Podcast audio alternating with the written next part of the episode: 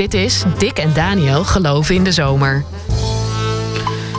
Geloven in de zomer doen we met protestantse uh, uh, heiligen, Dick. Uh, we gaan weer praten over de heiligen die wij als Nederlands Dagblad hebben geselecteerd. We zeggen, hey, we hebben een heilige kalender gemaakt als een soort voorschot daarop. En we besteden in de krant ook aandacht aan protestantse heiligen. En in deze podcast willen we er zes belichten. Um, deze keer pakken we John Wesley erbij. Uh, waar moeten we dan precies aan denken, Dick, met uh, John Wesley? Dit is een opwekkingsprediker uit welke eeuw? Uit de 18e eeuw. Kijk. Dat is al even geleden. Mee. November, december 1735 zal het ongeveer zijn geweest. In elk, in elk geval 1735, ja, het was koud. We zitten op een Engels koopvaardijschip, de Simmons. Dat is onderweg naar de Engelse koloniën in, in Amerika. En op dat schip reist een, uh, een jonge dominee mee. En die gaat daar dan predikant worden in het, uh, in het stadje Savannah in de kolonie Georgia. Hè, tegenwoordig een Amerikaanse mm -hmm. staat, op dat moment een Engelse kolonie. En dat schip dat komt op de Atlantische Oceaan in een gruwelijke storm terecht. En uh, dat moet hebben geleken, uh, als we deze jonge predikant, die John Wesley, moeten geloven, op de storm waarin uh, Jona met het schip terecht kwam toen hij voor God wilde, wilde wegvluchten. Ah ja, precies. Het Bijbelverhaal waarin inderdaad staat dat, dat Jona die storm, omdat hij wegvluchtte, in de storm terecht kwam, dat schip, en hij werd overboord gemikt. Jona. Komt, dan in een walvis uh, terecht of in een grote vis. Gaat het verhaal? Gaat het verhaal. Uh, nou, dat geldt voor John Wesley niet, maar die is wel ontzettend bang. En die ja. trilt echt als een riet en hij vreest dat de laatste uur heeft geslagen. En, en, dan, en dan ziet hij in het, in, in het ruim van het schip, ziet hij tot zijn verbazing een groep uh, passagiers. en die zijn helemaal niet bang. En dat zijn Duitsers, uh, Moravische broeders. En die zijn op dat moment naar Amerika onderweg om daar zending te gaan bedrijven onder de, onder de Indianen. En die zingen, die bidden en midden in die storm beleggen ze zelfs een kerkdienst uh, op het schip. Maar ze zijn ja. totaal niet bang. En die, en die, en die, en die, en die dominee John Wesley die, die, die, die, die schreeuwt tegen die Duitsers van waar, waarom, waarom doen jullie het niet in je broek zoals ik? Want het is toch, we gaan, we gaan met z'n allen eraan. Ja. En, dan, en dan vraagt er eentje, maar, maar gelooft u dan niet in Christus? En die, en die Wesley die is zo perplex die zich ineens af van, maar hoe komt het nou dat mijn geloof nou zo ontzettend klein is? Ik ben dominee bovendien. Ja. Ik ga naar een nieuwe gemeente toe. En dat geloof van hen, dat is zo ontzettend groot. En hij schrijft ook achteraf in zijn dagboek... dit is de, de meest glorierijke dag uh, in mijn leven... Uh, die ik tot nu toe heb, uh, heb meegemaakt. Nou, uiteindelijk gaat die storm weer liggen en hij komt dan in... in, in het is een soort bekeringsmoment ja. voor hem eigenlijk. Of ja, nee, nog, nog niet, nog niet, nog niet. Ah. Maar het is wel het gevoel van, hé, hey, ik, ik mis iets. Het is, Ja. het is vooral het begin van een, uh, van een, van, Ja, van een zoektocht. Bekeringsweg. Ja. Ja, van een bekeringsweg, ja. Eh, eh, Wesley is dan vooral bekend geworden, daar gaan we het zo meteen vast over hebben, als de, de, eh, de grondlegger van een heel nieuw protestants kerkgenootschap. Vooral in Engeland en Amerika is dat heel groot geworden, de, de methodisten. En ik denk dat we ook kunnen zeggen van de, van de evangelische beweging als, als, als geheel. Mm. Uh, maar op dat moment, zeg maar, op dat schip is dat nog, nog totaal onduidelijk. Dus het is, het is een Nee, want hij deed deze broek. Dus dan kon je niet uh, denken dat hij de grondlegger wordt van, uh, van, van grote kerkelijke stromingen. Nee, nee, helemaal niet zelfs. Hij gaat naar Amerika toe, daar wordt hij dominee. Is allemaal geen succes. Hij wordt enorm verliefd op een, op een vrouw die hem uiteindelijk niet ziet staan. Die voor een Hmm. andere man kiest. En, en dan keert hij eigenlijk al heel erg snel totaal teleurgesteld en verbitterd. En spiritueel en geloofsmatig helemaal, helemaal leeg keert hij dan weer terug. eh, Dat werd geen succes dus dus aan de, in de overzeese gebied. Nee. Nee, en, eh, en, en, en, en, die, en die Wesley die, die begint dan dat geloof, zeg maar, dat hij bij die Duitse zendelingen heeft gezien, die begint dat overal te zoeken. En die komt dan terecht bij wat ze dan in die tijd noemen religious eh, societies, bij een religious society. Dat is een verschijnsel dat is overgewaaid uit, uit, uit Duitsland op dat moment, in de 18e eeuw, en uit Nederland. In Nederland zijn we dat als conventikels Oh ja. eh, gaan, gaan kennen. Ja, jij zegt, oh ja. Ik, zeg, ja, ik heb het woord wel eens gehoord, maar het komt zo'n raar, eh, komt een beetje raar over. Je zou het ook nu helemaal gebruik je het helemaal niet meer. Nee. Het woord gezelschappen wordt ook wel eh, gebruikt. Je zat het altijd, eh, altijd al een beetje te meer in ja, wat wij tegenwoordig de reformatorische hoek noemen, wat toen natuurlijk niet op die, in die vorm bestond. Maar Nee. daar doet het nog een beetje aan denken, of daar, dat, dat daar af en toe dat nog, nog voorkwam in de nou ja, een beetje recente geschiedenis. Ja, geloof, het komt voort uit dan wat in Nederland de, de nadere reformatie is gaan, Mhm. eh, is gaan heten. In Duitsland pietisme. En dat, en dat is, eh, dat is zeg maar een soort, dat, het zijn een soort verschijnselen, zeg maar vergaderingetjes, huiskamerbijeenkomsten langs de randen van het, van het kerkelijk leven. Dus er dan moet je denken, daar werd dan over godsdienstige ervaringen gesproken die mensen met elkaar hadden. Daar werd een bijbelstudie gedaan. Er werd het was niet dat, het, dat een dominee dat leidde of zo. dat waren gewoon gewone mensen die bij elkaar kwamen, maar wel overtuigd waren dat ze een bijzondere uh, geloofservaring hadden gehad, een bekering hadden doorgemaakt en daarover met elkaar vertelden. Ja. In alle ernst, meestal. Precies, ja, ja, ja, ja. En ook wel met een behoorlijke kritische houding vaak tegenover de gevestigde kerken, waarin het niet zo, zo diep ging en zo existentieel beleefd werd. Oh en zo, uh, en op die manier werd, eh, werd, eh, werd uitgelegd. En, die, en die, die, die Wesley, die, die krijgt daarop, hij heeft dat zo precies in zijn dagboek opgeschreven, 24 mei 1738 om kwart voor negen. Kijk, zoals een tijdstip erbij. Als een tijdstip erbij, dan weet hij later nog precies, krijgt hij daar bij zo'n religious society, krijgt hij een bekeringservaring. Het is heel diep, warm gevoel van binnen en, en een vast geloof dat de, de, de, de redding door Christus ook voor hem persoonlijk is. Want daar, daar gaat het om. Dat het dus niet alleen algemeen geldt. Hè, dat, dat Christus mensen mm redt. Dat je door het geloof gered kunt worden. Bij, bij God kunt worden. Maar dat het voor jou is. Dat het wordt, wordt toegepast voor, voor jou. En uh, in, die, in die hele wereld hè, van die religious societies komt hij dan samen met zijn broer Charles eh, Wesley. Die heeft ook allerlei liederen, uh, kerkliederen geschreven. Komt hij onder invloed van George Whitfield. Die schrijft Whitefield, maar je moet Whitfield zeggen, heb mhm. ik begrepen. En die, die vraagt hem, die werkt dan op dat moment in de, in de mijnstad Bristol. En dat is een enorme smerige bende. Keihard werken, grote armoede, uh, enorme sterfte. Hè? Want het is natuurlijk ontzettend onveilig werken in die, in die, in die mm. mijnen. En wat Whitfield daar doet, is arbeiders zover proberen te krijgen om van de drank af te blijven. Om hun leven aan, aan, aan God te wijden en niet aan allerlei tijdelijke uh, pleziertjes, zeg maar, om een beter, heiliger leven te leiden. En Wesley die gaat dan met hem samenwerken en ze gaan preken samen. En met name de preken van, van, van Wesley, die leiden tot een enorme toeloop van, van, van, van arbeiders en, en, en mensen zo snel dat ze afzonderlijke kerkdiensten moeten gaan beleggen. Enorme openlucht samenkomsten. Wat, wat, trok er dan zo aan? Is dat de persoon of is dat die echt een boodschap die toch wel heel anders was dan wat, wat je in de kerk kon horen? Ja, allebei. Het, was, het zal zonder meer, het was zonder meer een, een, een, heel erg retorisch begaafd mens. Heel erg charismatisch mens. Charismatisch. Maar uh, wat ik vooral heel veel verschil maakte, was, dat, was het, het, het opwekkende van zijn. Ja. Dat wordt vaak een opwekkingsprediker genoemd. Iemand die appelleerde ergens aan. Een preek was niet een, een verhandeling over een, over een bijbeltekst of een keurige uitleg over hoe je goed en braaf moest, uh, moest leven. Maar was een oproep tot, tot bekering. Er zat een soort heilige ernst uh, in. Er moest wat gebeuren. Er, was, was, er zat urgentie in. Ja. En met name die, die, die arbeiders die ook, die ook snakten naar een, naar verlossing. Een beter leven, naar verlossing. Ja. Nou, waarschijnlijk, waarschijnlijk ook wel heel erg letterlijk. Ja. Ja. Die, die, die, die kwamen daarop af. En er kwamen veel meer mensen op af. En nou ja, je kunt je natuurlijk voorstellen dat de bisschop van, uh, van Bristol, de Anglikaanse bisschop, dat hij daar niet heel erg uh, blij mee was. Dus die zegt tegen Wesley van ja, maar hoor eens, wacht eens even. Jij bent uh, Anglikaanse voorganger. Uh, wat doe jij eigenlijk hier? Want je hoort helemaal niet in mijn bisdom. Oppoepelen. Ja, wegwezen. En dan zegt Wesley de, de befaamd geworden woorden... en dat zou later de, de kreet worden van de, van de methodist... dus van zijn beweging wereldwijd. De hele wereld is mijn gemeente. Ja. Uh, en dan, ja... Het is los zeg maar, van wat er in de Rooms-Katholieke Kerk en Anglikaanse Kerk wordt georganiseerd rond bisdommen. Ja. En je bent in die plek word je aangesteld, of in dat bisdom word je aangesteld, of in, uiteindelijk in een bepaalde plek aangesteld. Hij zei van nee, dat gaat over alles. Ja, ik ben hier gewoon nodig. Ja. En dat was natuurlijk wel gek, want hij was natuurlijk aan de ene kant, hij was gewoon een Anglikaanse voorganger, Anglikaanse priester, ja. Anglikaanse predikant, hoe je dat, uh, hoe je dat precies uh, vertelt, een vicar. Uh, maar ja, aan de andere kant trok hij zich daar ook geen moer van aan. Hij was juist ontzettend kritisch op zijn kerk. Die, ja.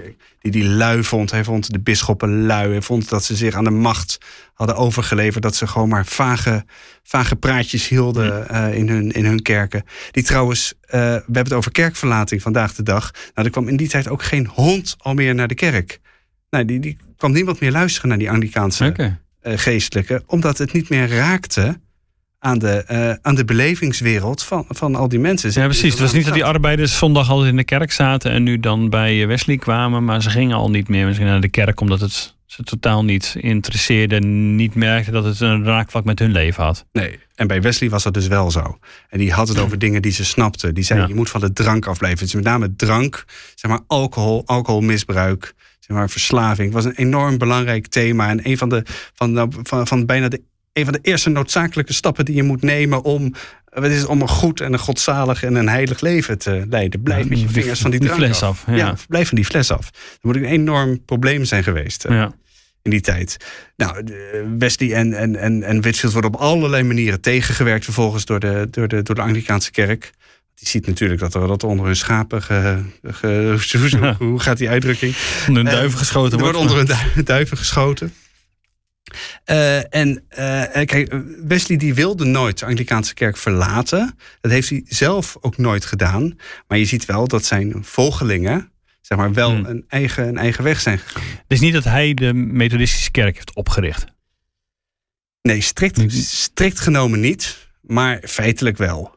Uh, hij, hij was in Bristol aan het werk. had, had mensen nodig omdat er moest gedoopt worden. Weet je, er werden kinderen geboren. Die mensen wilden niet meer dat. Uh, dat die wilden die niet meer in de, in de plaatselijke uh, Anglicaanse kerk laten dopen. Ja, dus er ontstond echt een, een, sidekerk, zeg maar. En dat werd uiteindelijk de Methodistische kerk. Precies, want uh, Wesley besluit dan op een gegeven moment om lekenpredikers aan te stellen. Dus, dus gelovigen die, die gewoon door eigen studie uh, al heel veel hadden, hadden gehoord en begrepen van, van de christelijke boodschap die hij wilde uitdragen. en eh, die gaan vervolgens ook nieuwe gemeenten stichten. Hij gaat daar dan nog wel langs om, om de sacramenten te bedienen. Dus om kinderen te dopen, om het, om het avondmaal, de Eucharistie te vieren. Maar verder zijn dat totaal zelfstandige ja. kerken aan het worden. En zo ontstaat eigenlijk die hele methodistische beweging. Ja. Het woord methodistisch trouwens, dat komt van, eh, dat is eigenlijk een scheldnaam oorspronkelijk. Dat verwijst naar de, de methodische manier waarop uh, uh, de, de methodisten uh, mensen tot Christus uh, wilden leiden. Er is een systeem voor hoe je tot geloof ja, komt. en vooral wat er vooral mee bedoeld werd, radicaal. Zeg maar. ah, dus eigenlijk is gewoon een soort methodistische woord van... Radicale. Ja, precies. Het moet wel, moet wel een beetje doorgaan. Zeg. De radicale types. Ja. En de methodisten gaan dat dus, wat eigenlijk een scheldnaam is... gaan dat dan als, als een soort geuzennaam gebruiken. Ja. Met, met, verven, ja. met verven dragen. En... Um want dat, precies, dat wordt wel een soort hun kern uh, van de, wat het verschil maakt met Anglikanen. Nadruk op dat persoonlijk geloof dan. Ja. Dat allereerst persoonlijk geloof en een heilig leven. Oh ja. En die twee. Je moet voor Christus kiezen. Zeg maar, je moet je toevertrouwen aan Christus. Hè. Geloof vraagt een radicale persoonlijke keuze. En niet een beetje meehobbelen, een beetje in de mm. kerk zitten zeggen: ja, maar ik ben ook gedoopt en ik kom er met kerst nog wel een keer. Mm.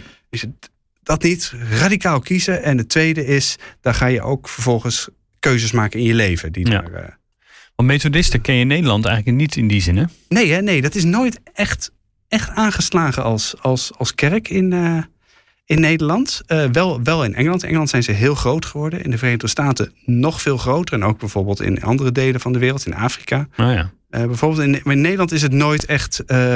is zeker in de 18e eeuw nog die hele die pietistische beweging zeg maar, is veel meer nog binnen de kerk gebleven. Later natuurlijk gaat in de 19e eeuw in Nederland... krijg je wel afscheidingsbewegingen. Krijg je de, de gereformeerden, de christelijke gereformeerden. Mhm.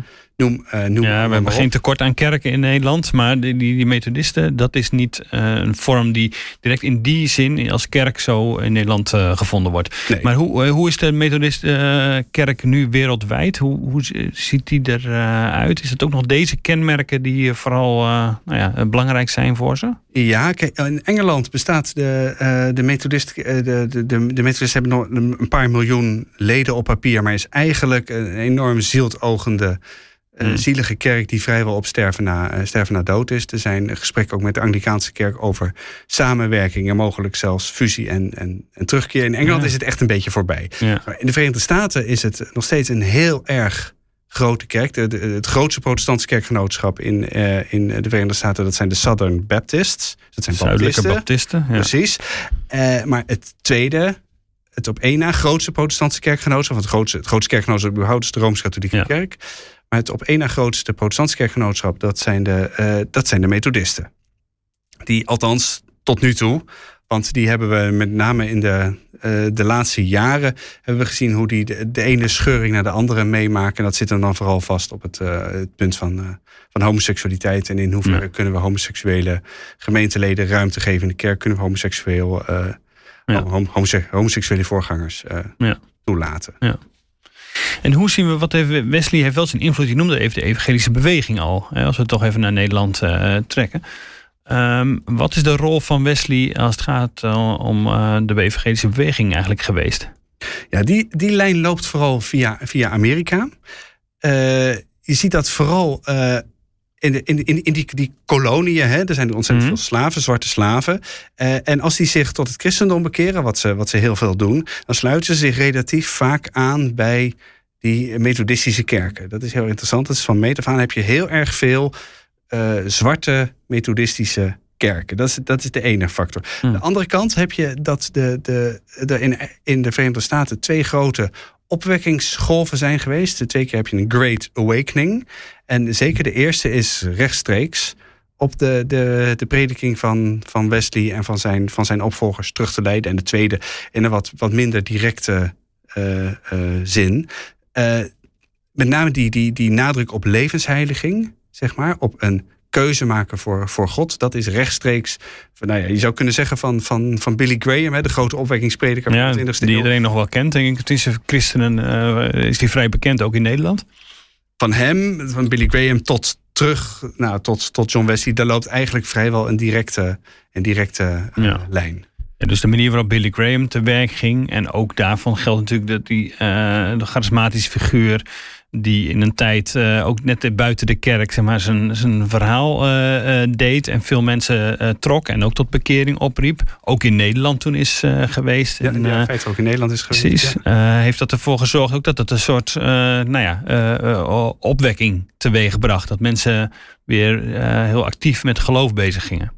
Ja, vooral die, de, wat we dan nu zeg maar een soort doorsnee evangelische gemeente noemen, dat kun je vrijwel één op één in die traditie van, van, die, van die opwekkingsprediking van, van John Wesley. Is er een soort lijn van John Wesley, Billy Graham naar Kees Kraaienhoort Kees Kraaienhoort, ja precies. Dat zou je, volgens mij kun je dit kun je echt wel serieus verdedigen. Dat heeft wat dat betreft een enorme invloed gehad. En ook vooral een enorme oppepper aan dat toch wat ingezakte uh, Engelse protestantisme. Dat heeft met hem een, eh, nou, gewoon alsof hij er peper in stopte. Ja. Dat is wel het effect. Uh, effect ervan geweest. En je moet je ook voorstellen, hè, er heeft iemand uitgerekend, zijn biograaf, zijn biograaf, dat hij jaarlijks meer dan 4000 mijl reisde. Dat is voor jou en voor mij is dat niks bijzonders. En dat in die tijd was dat echt absurd Gigantisch veel. natuurlijk, ja precies. altijd in een postkoets of op een schip gezeten hebben. Ja, precies. Een vliegtuig uh, bestond nog niet, wat maar goed was ook. Maar tenminste... nu weten we wat daar de gevolgen van kunnen zijn. Maar qua uitstoot. Maar eh, precies, hij legde enorm veel. Hij reisde enorm veel. Had dus echt grote, groot bereik eigenlijk, kun je ook zeggen. En heeft uh, bij benadering in zijn leven ongeveer 40.000 preken gehouden. Goeiedag zeg. Dat was een man die gewoon constant, constant aan het woord was. Mensen aan het oproepen. Die zal die niet allemaal uitgeschreven hebben, denk ik. Nee, dat denk, nee, nee, dat denk ik ook niet. Dat past ook helemaal niet bij het beeld dat ik van nee. de man heb. Dat moet heel, heel, heel, heel, heel ja, hoe zeg je dat nou? Pathetisch wil ik zeggen, maar in ieder geval wel retorisch heel sterk zijn geweest en, uh, en appellerend. Um, wat trouwens nog wel heel erg interessant is om te weten, vooral voor de reformatorische uh, uh, traditie, is dat Whitfield, dus die, die grote, die grote mm vriend en, en, en, en medereiziger zeg maar, van, van Wesley, dat dat een behoorlijk steile Calvinist was. ook in die zin dat hij ervan overtuigd was dat God mensen van eeuwigheid af aan gekozen heeft uh, reeds tot het, tot het heil of, of niet. Mhm. En dat dus echt het geloof, zeg maar, een gave van God is dat je gegeven moet worden. Heel veel nadruk op uitverkiezing. Ja, precies. Letterlijk op uitverkiezing, exact. En, uh, en Wesley was daar helemaal niet van. Die was veel meer van wat ze dan de, de, de Arminiaanse lijn noemen. Ja, weet je, God staat met open armen op je te, op Je hebt een keuze. Zie je, maar je hebt wel een keuze. Je moet, je moet er wel naartoe. Je moet, je moet dat, die genade wel, wel, uh, wel aanpakken. Ja. En met name die hele, uh, wat ze dan noemen, Arminiaans lijn, hè, naar uh, uh, Arminius, de, de, bekende Nederlandse theoloog, die mm -hmm. dat, die dat stelt en die ook om die reden veroordeeld is bij de synode van, van, van Dordrecht in de 17e eeuw. Die hele lijn, zeg maar, van Arminius is daarom in die hele evangelische beweging zo ontzettend sterk. Dat is via Wesley, die dus heeft benadrukt dat je moet wel zelf, je moet zelf voor God kiezen. En als jij niet voor God kiest, dan kies jij dus niet voor God en dat heeft dus enorme consequenties. Ja. Opvallend, hè? Een zo'n man inderdaad zulke grote invloed kan hebben tot wat je dat nu nog kunt zien in de christelijke wereld. Dat is toch zo'n, uh, nou ja, dat hij ergens begint, zelfs gedisillusioneerd, terugkomt uit Amerika en dan nog wel zo'n zo'n grote beweging eigenlijk in, in gang zet. Dat is wel uh, bijzonder van hem. Dit was uh, weer een podcast van, over een protestantse heilige. Deze keer dus John Wesley. We maken deze zomer zes uh, afleveringen, zes podcasts met uh, heiligen. Dus luister ook gerust terug en vooruit. Um, wil je er meer over lezen? Kijk dan eens op nd.nl slash heilige. Daar vind je overzicht van alle protestantse heiligen die wij als Nederlands Dagblad hebben geselecteerd. En kun je meer over hen lezen. Op 26 augustus zijn we weer terug met een reguliere podcast. En tot volgende week.